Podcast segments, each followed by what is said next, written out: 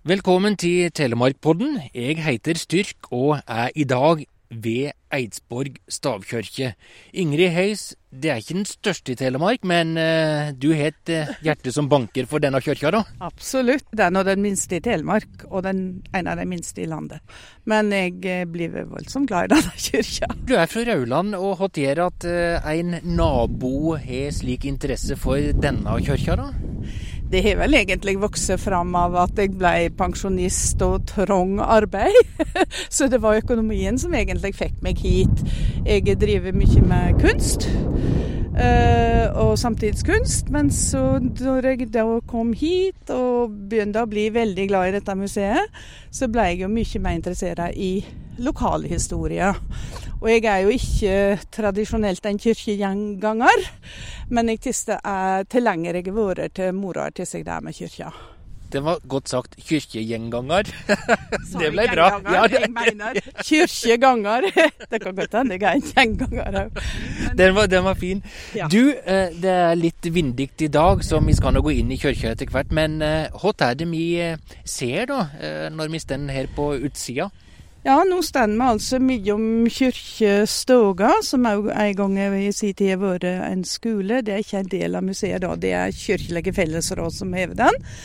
Dette er jo ei vanlig brukskirke, vi står utafor ei helt nykjøra kirke. Heldigvis det det er to, to strøk. Det skal få ett strøk til til høsten. Og det er voldsomt mye arbeid og mye kostnad, og en lang prosess. For her tror jeg Riksantikvaren og litt forskjellige er med på dette. Men det må gjøres for å ta vare på treverket? Ja, og det, det, er, det var slik helt ifra, ifra, middelalderen at de kjører båter, og de kjører kirker. Og hus drev de ikke med, for det var altfor mye arbeid, rett og slett. Hvor gammel er Eidsborg stavkirke? Den er som eh, blir stadfesta sånn gjennom forskjellige arkitektoniske detaljer og slik, så er den nok ifra 12 Der regner det mellom 1250 til 1270 ca. Og det er jo slik som de fleste andre Veldig mange av dem ble bygd på helt på slutten av 1100-tallet, og 12 og opp til 1300. Men jeg har lest at uh, før den tid så kan det ha stått ei anna kirke her? Ja, sannsynligvis er det stått det som de kaller ei stolpekirke. Og stolpekirka er bygd på samme prinsippet, bare det at stavene Her står de nå på stein. I gamle er fyr i denne kirka, så sto de med, da bare grov de ned i jorda. Og ikke bare det, men det var noen som fortalte at uh, Helt i begynnelsen så var det kanskje bare presten som hadde et bygg. Oh. Så da hadde jeg fire stølper og et lite eh, altar som han sto i, og så sto kirkelyren på, på bakken ute. Et slags eh, partytelt? Ja, faktisk. faktisk, ja. Så denne kirka er da som sagt liten, og i dag er hun jo veldig fin uh, med, med kjøra, men òg hun er ei veldig snedig kirke til seg. Hun er fin i dimensjonene. Eh, det er klart, eh, når du sammenligner henne med, Heddal, så blir hun jo liten og beskjeden. Og det regner vel òg med at uh, her er det lokale folk, kanskje, som rett og slett har gjort den i kyrkja bygda. Det for jo stavkirkebyggere fra dal til dal og bygde disse profesjonelle håndverkere. Men her har de funnet noe tekniske, noen konstruksjonsfeiler, som de kanskje tenker at de ikke visst bedre, rett og slett. Så de tror iallfall at kyrkja er bygd av lokale folk, men at Svalgangen, som da kanskje kom en ca. 50 år etterpå, 1300, er da meg, av meg skikkelige håndverkere, for her er det både treskjæringer og litt forskjellig meg forseggjort. Oi, det lukter godt kjøre, ja. Du verdens tid, denne er fersk. Og nå er kirka mest helt eh, svart, da, når eh, hun har fengt på seg to strøk. Ja. Ja, det er hun.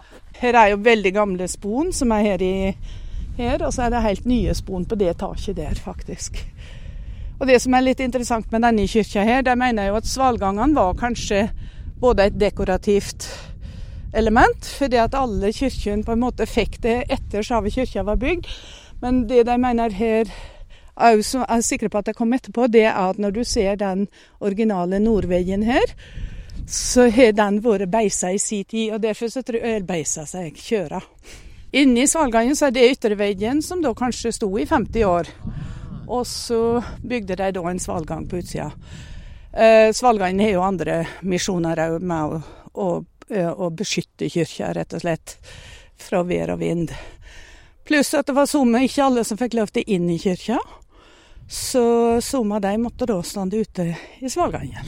Og det var de ukristelige heidningene som Nei. ikke ville la seg døpe, eller? Nei, jeg tror ikke de kom så ned i kyrkja engang. De måtte nok holde seg enda lenger unna. Det de rør veldig mye om spedalske, men jeg vet ikke om det var liksom et, et stort problem. Men iallfall kanskje folk som ikke var helt som alle, helt A4. Ja. Og så sier de jo òg det at f.eks. Eh, kvinner som har født unger, var ureine.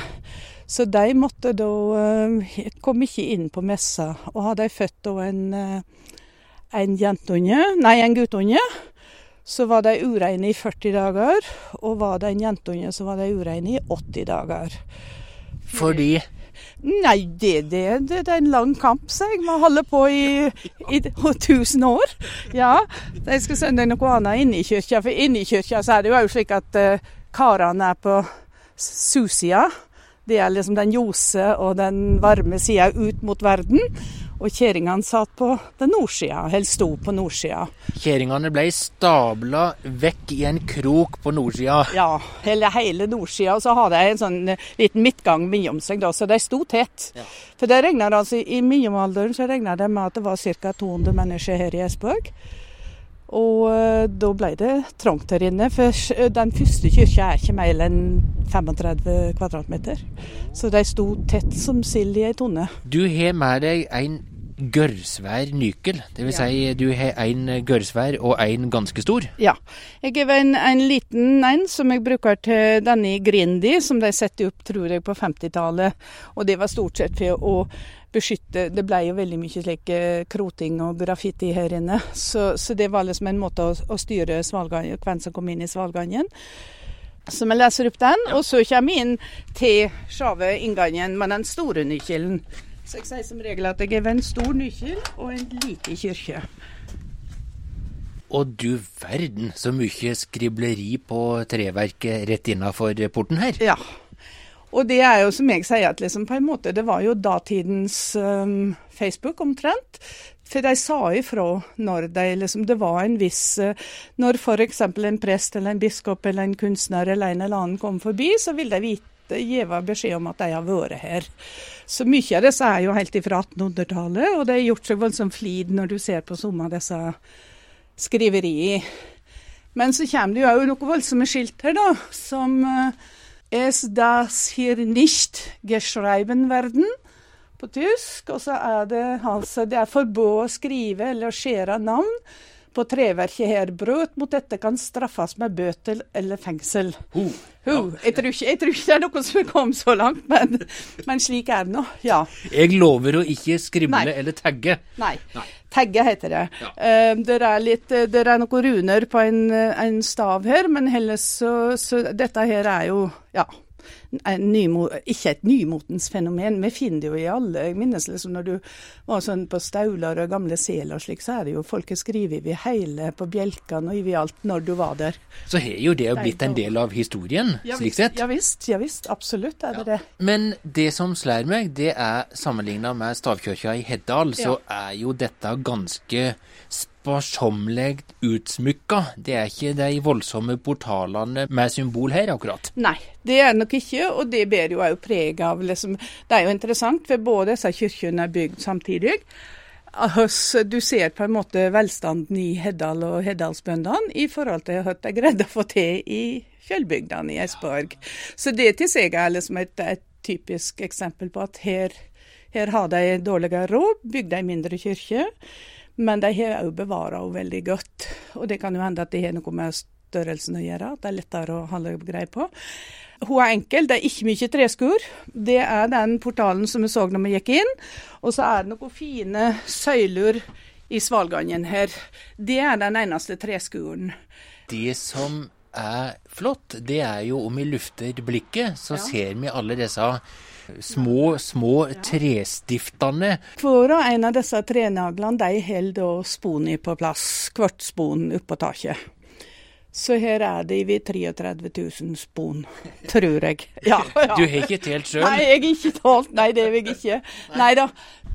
Og så går vi rundt hjørnet her i Svalgangen. I Svalgangen, og nå står vi i det nordvestre hjørnet. Her ser du veldig tydelig og godt hvordan kirka er bygd. Her ser du den grove svilla som er ramma nederst. Og så ser du de to stavene her. Det er en stav, og det er en stav. Ei gedigen båndsvill. Ja, det er det. Det må man si. Det var i Kjerringa en gang en forsker som var og hun rødde om det at dette har kanskje vært uh, Dimensjonen på dette, denne fura har kanskje vært altså 1 meter og 10, og slik finnes det jo ikke lenger. Men iallfall så hele denne veggen med svilli, med stavene, med tiljene, eller de som da går ned i svilli, så blir dette regna for et av de mest originale deler av noen stavkirke her i landet. Svalgangen er nok vært både opp og ned noen vendur. Men det er greit, er jo at de har spart de der fine bøgene her fra gammelt av og satt inn igjen.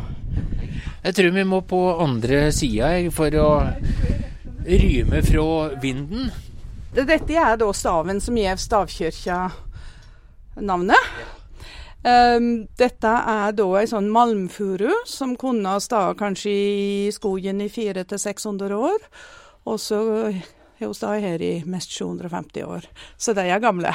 Ja. og det som jeg òg syns er moro med kirker, det er, som er bygd på denne tida, er jo at dette var før Isaji kom. Alt er gjort med håndarbeid, eller med øks, særlig da. At det er økser og, og kiler og splitter. Og Derfor så er jo Eidsborg òg moro seg med, med brynestein, men det er en annen såge. Men det, bare det å holde redskapen skarp, at det var viktig. For dette var litt av et arbeid. Men fortell to ord om brynesteinsåga, da. Ja, brynesteinen er jo det, er jo det på en måte som har sett Eidsborg på kartet. Og det var fordi at her er det noen veldig fine berg, som, som det er noen staver, det er en kvarts, som egner seg veldig godt til brynstein. Så det ble regna som Norges første eksportartikkel, helt ifra 700-tallet. Så eh, kakka de ut disse stavene her, og så tok de emnet til, med hest ned til dalen, og så rodde de det ut til Faret og til Skien og ut i verden. Så de har funnet brynestein fra Esborg i nord ja, i England, i Tyskland, i Baltikum. Ja. Fantastisk og spennende historie. Men denne brynesteinen kom eh, vel med da de skulle hogge ut ja, til kirka? Jeg tenker det liksom, redskap var viktig. Ja. Både, ikke bare øks, men å slå, ikke sant, med ljåen og alt det òg. Så her er den originale dynni, eller inngangen, deler av henne. Dette er én planke. Så den portalen vi gikk inn i på vestsida, den sto jo her da på susida. Ja. Uh, det er malteserkrossen som ble skåren inn når kirka ble innvigd. Da hørte bonde Hamar bispedømme, så da kom bispen derifra. Ja. Det er en kopperkjele som de da har um, koka kjøre i. Og så ser du, her ser du òg tydelig at kirka er jo en del er den gamle, originale kyrkja, og så går du litt lenger, så ser du at det er lafta. Det er det som er på, ble påbygd. Så det er liksom to ulike byestiler da, veldig. Den største utvidingen kom i 1850 ca. 56 var hun liksom ferdig. Og da hadde de dobla, dobla kyrkja. Størrelsen på kyrkja. Alle disse kyrkjene sier jo blir rivne. Så denne var òg meldt inn til å bli riven av presten i Lårdal. Eh, men så greide de på en måte å modernisere kyrkja og gjøre henne så fin inni at hun fikk lov til å stande. De var jo gammeldagse, de har vært katolske, ikke minst. Ja, liksom. Så de, så, og det var en slags uh, fornying av nasjonalromantikk. De ville ha nye hvite kirker. Så her helt på 1750 og framover til 1800 og slik, så ble flesteparten av de lokale stavkirkene her rivne. Det var stavkirke i Høydalsmo, og det var i Øyfjell, og det var i, i Nesland i Vinje. Rauland var det stavkirke. Og flere plasser. Så den i stand fordi at de greide på en måte å å mobilisere krefter, og ikke minst penning. Og, og da greide å, å bygge på og bevare kirka. Og nå er det fram med den store nøkkelen. Ja. Og så vrir vi om. Så kommer vi inn i kirka, og i dag er det sol ute, så da ser du jo Hun er jo ikke så voldsomt mørk, egentlig. Så her må en på en måte tenke seg når du er på ivigskya dager, så er det veldig mørkt. Og enda lenger siden før i Glassrud kom, så var det jo kålmørkt her inne. Ja. ja. Kirka er ikke stor, nei? Den er ikke stor, nei. Det er jo ikke Jeg tror det er plass til en 70 mennesker omtrent. Dette er jo vanlige sognekirka til esborgingene. Så her er det messer om sommeren.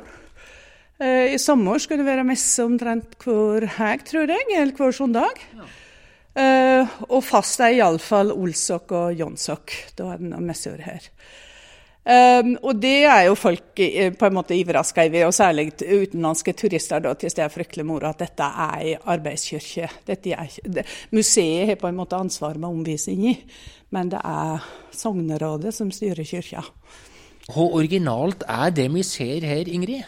Dette, altså, dette ble jo måla på 1600-tallet. Det var vanlig. Da var det, da var det en mote, rett og slett. Denne er måla veldig tidlig, for på Nordveggen her så er den fra 1604. Stende. Um, dette er originalmålinga. Da er ikke blitt ensa. Hun er nok blitt rensa, men ikke ensa. Og det regner jeg vel med at eh, når denne var nymåla, så var det både grønt og gult og veldig fargerikt. Så er jo falma, og særlig nordveggen, som da hever falma litt mer. Eller når du ser på suveggen, så ser du at det er ganske skarp, skarpe målinger.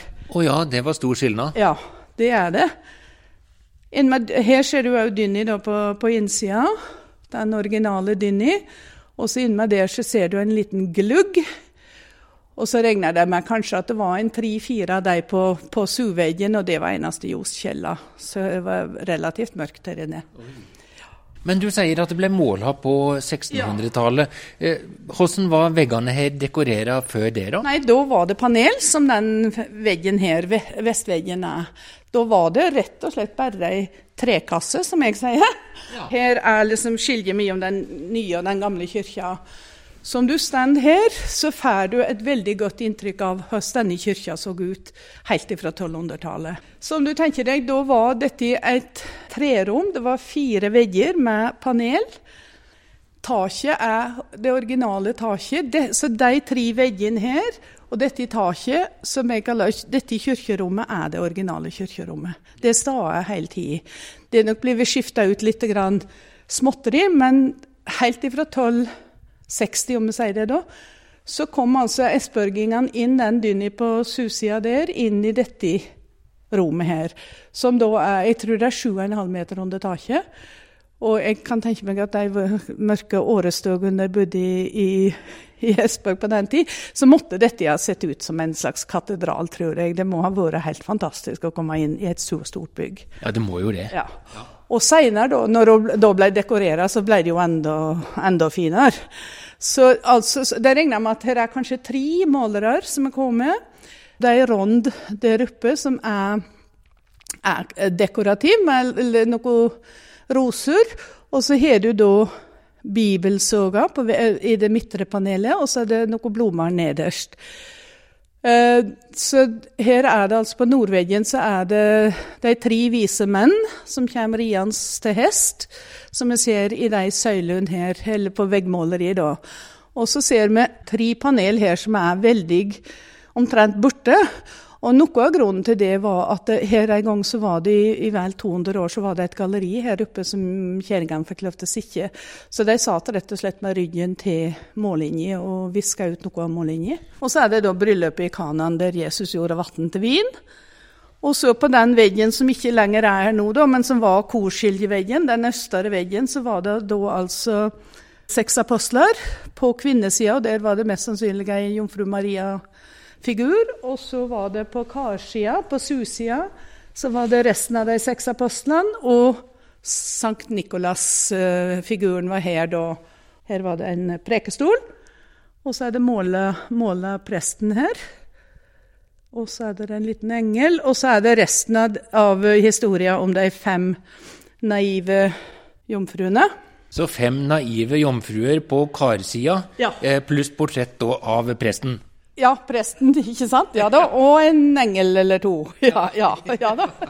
Her ser du òg den der doble bøyen som var på, på den attere takkbjelken der. Så er det en dobbel bøye som òg er med på det der å datere kyrkja. Pluss at her er det en takrytter i denne kyrkja som er en av de få stavkirkene som hever. Den ser du på utsida, ikke på innsida. Og det er takrytter for noe? Takrytter er det tårnet der klokken sitter. Oh, ja. Så her er to klokker, og den ene klokka er, er iallfall fra 1200-tallet, så det er hun med på. Og den takrytteren som er nå, den er nok den er pussa opp igjen, men den er bygd om igjen etter gamle Måli, og òg bruker gammelt material fra den originale takrytteren. Så det er jo unikt her. Her har det vært forskjellige alter i ulike dimensjoner og høgder. Men altså, når vi kommer på tidlig på 1800-tallet, så finner jeg ut at jeg skal bygge på kirka. Men det tar sin tid, og det er ikke før i 1840 omtrent, så er kirka dobla av det hun var. Så der vi står på denne tverrbjelken nå og ser resten, det er omtrent like stort som det gamle kirkerommet.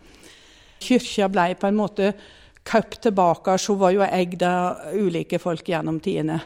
Og så var det en soldat, nå er vi 17 et eller annet, som åtte kyrkja.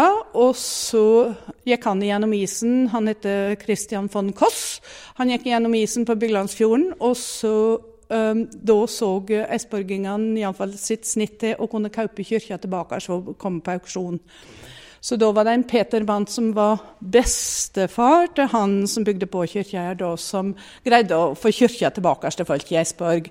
Så da bestemte de seg for å pusse opp denne kirka, modernisere henne. På utsida var hun veldig fin og med sponen som vi har sett i dag.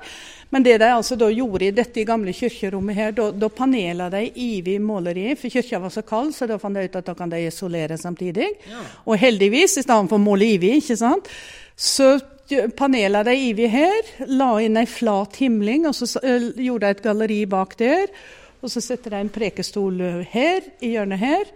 Og så måla de benken ljoseblå. Så det ble litt sånn bedehus. Jeg kaller det bedehusperioden til kyrkja. Da så det slik ut. Litt pietistisk og voldsomt. Slik kyrkja ser ut i dag, er fra 1929. Det er seneste restaureringen som ble gjort her. Og da tror jeg ikke nødvendigvis at Riksantikvaren var så involvert, men de ville iallfall få til ei kirke som var fin og trivelig, og som på en måte matcha utsida, for det har gjemt vært så fin på utsida. Så de ville òg ha liksom ei middelalderkirke på innsida. Men det er klart, praktisk så, så den alterringen og alt dette, det er jo ei luthersk kirke. så liksom Det eneste som jeg tenker som er katolsk etter det restaurerer, er liksom den korskiljeveggen. For det er typisk da. Men, men heller så, så har de vært praktiske og gjort det relativt fint. Der går det inn i ja. ja. Oi. Og da er spørsmålet er det vinden her, eller er det noen som vil fortelle oss noe? Eivind Beinlaus. Jeg vil ikke, jeg vil ikke lese den helt inn, så jeg tror jeg står og holder ja. ja. Det var jo jordgulv her når du kom inn, så det var mørkt og sparsommelig. Det var jordgulv, ja? Det var jordgulv, ja. ja. Kirka har stått her siden slutten av 1200-tallet, og så har det vært ulike eiere og ulikt syn på hvordan guden eh, skulle være, eller hva. Ja, og ikke minst liksom, reformasjonen. Det var jo den store liksom, endringen. Og svartedauden, tror jeg. Liksom, det var Før i svartedauden så har kirka på en måte en slags storhetstid. Og så sier de jo det at etter svartedauden rundt omkring her, så regner de med at 70% av befolkningen strøk med. Så, og da skjedde det omtrent ingenting. Ikke noe husbygging eller noen ting før du kommer på 1500-tallet igjen. Og det var vel liksom den mørke tida til kyrkja da, men de greide iallfall Hun datt alle ned. Og så kommer reformasjonen. Av og til så sier jeg det at at jeg trodde da kom det ene land fra Tyskland på sykkel og sa det at nå er det reformera. Men så enkelt var det ikke. Det var ikke slik? Nei, nei det var ikke det. Så ikke gav de opp på, på den katolske trua si, og ikke, og ikke vil de endre så voldsomt mye. Og biskopen sa jo at prestene fikk lov til å holde på.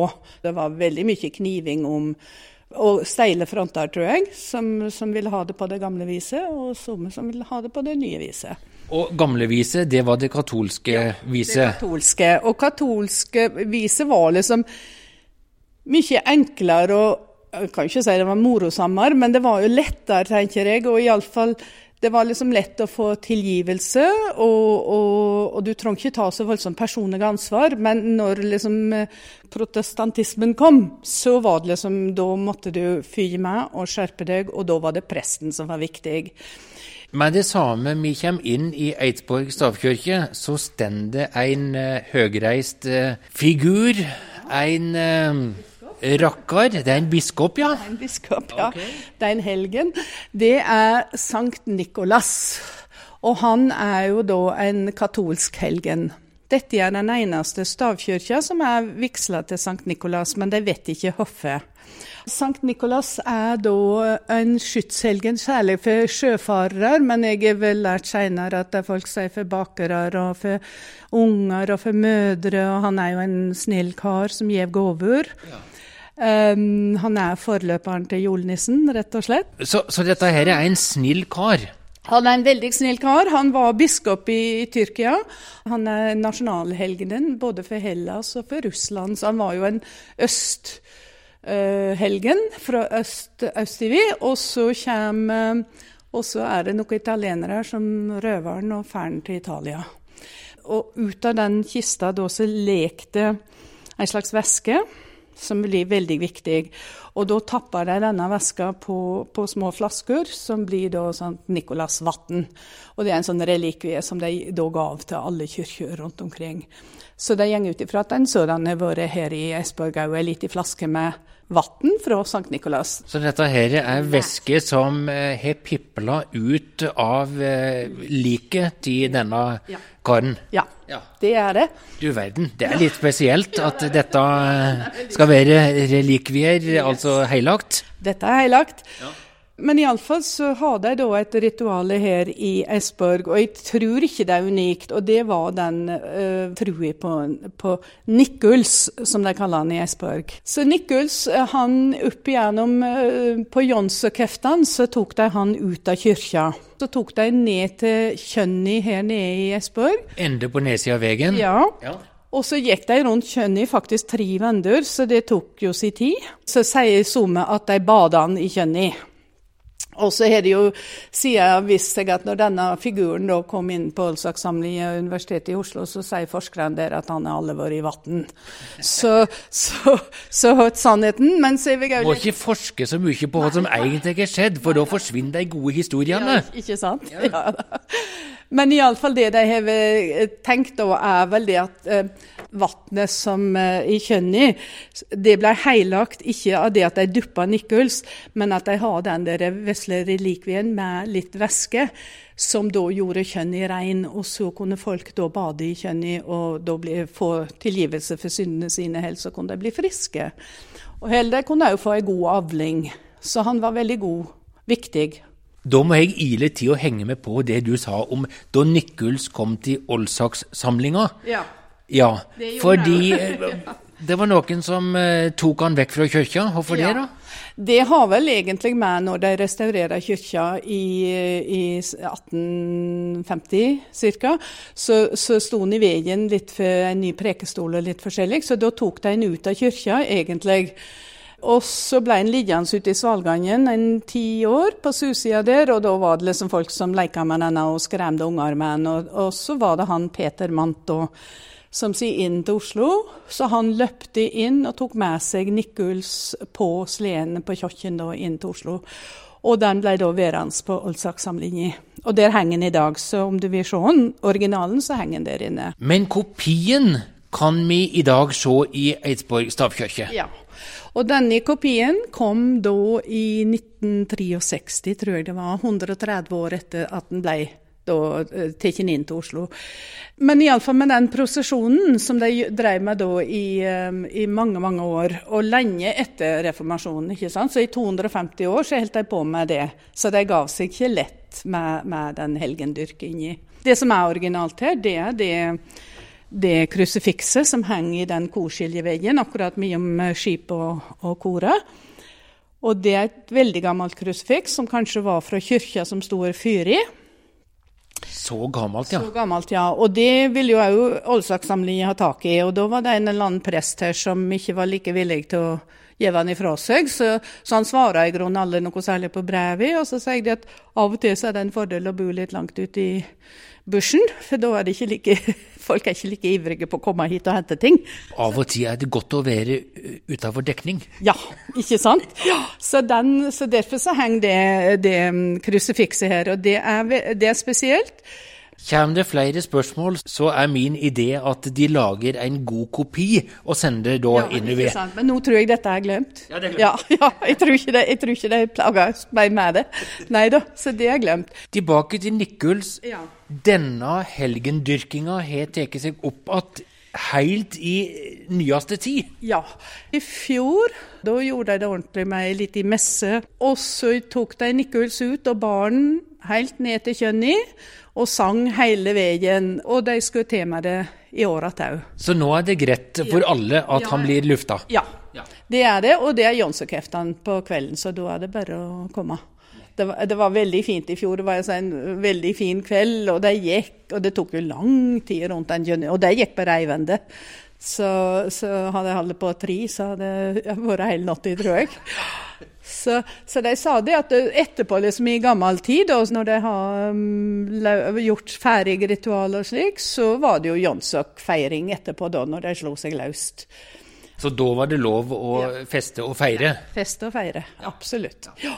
Ingrid Heis, hva ser du på som det største med Eidsborg stavkirke? det er det at du, at, at du, kan så godt forestille deg hvordan hun så ut på 1200-tallet. Det til seg er det viktigste. Jeg har vært i mange andre kirker der de på en måte er bygd om så mye, og de slår ut veggene, og de har på en måte korporert svalgangene inn i kirkerommet og det ene med det andre. Men her, liksom på en mørk dag her, og du forestiller deg at det er helt mørkt her, så kan du på en måte godt se hos folk kom inn i dette jordgulvet og sto her, at det måtte ha vært stort. Så jeg, jeg tror det er det som, som, imponerer meg mest. At du kan forestille deg veldig godt hvordan det så ut her. Tusen takk for eh, at du fortalte, og takk for ei spennende reise. Jo, vær så god, jo. Bare bra. Styrk Fjærtoft, Eidsborg stavkirke.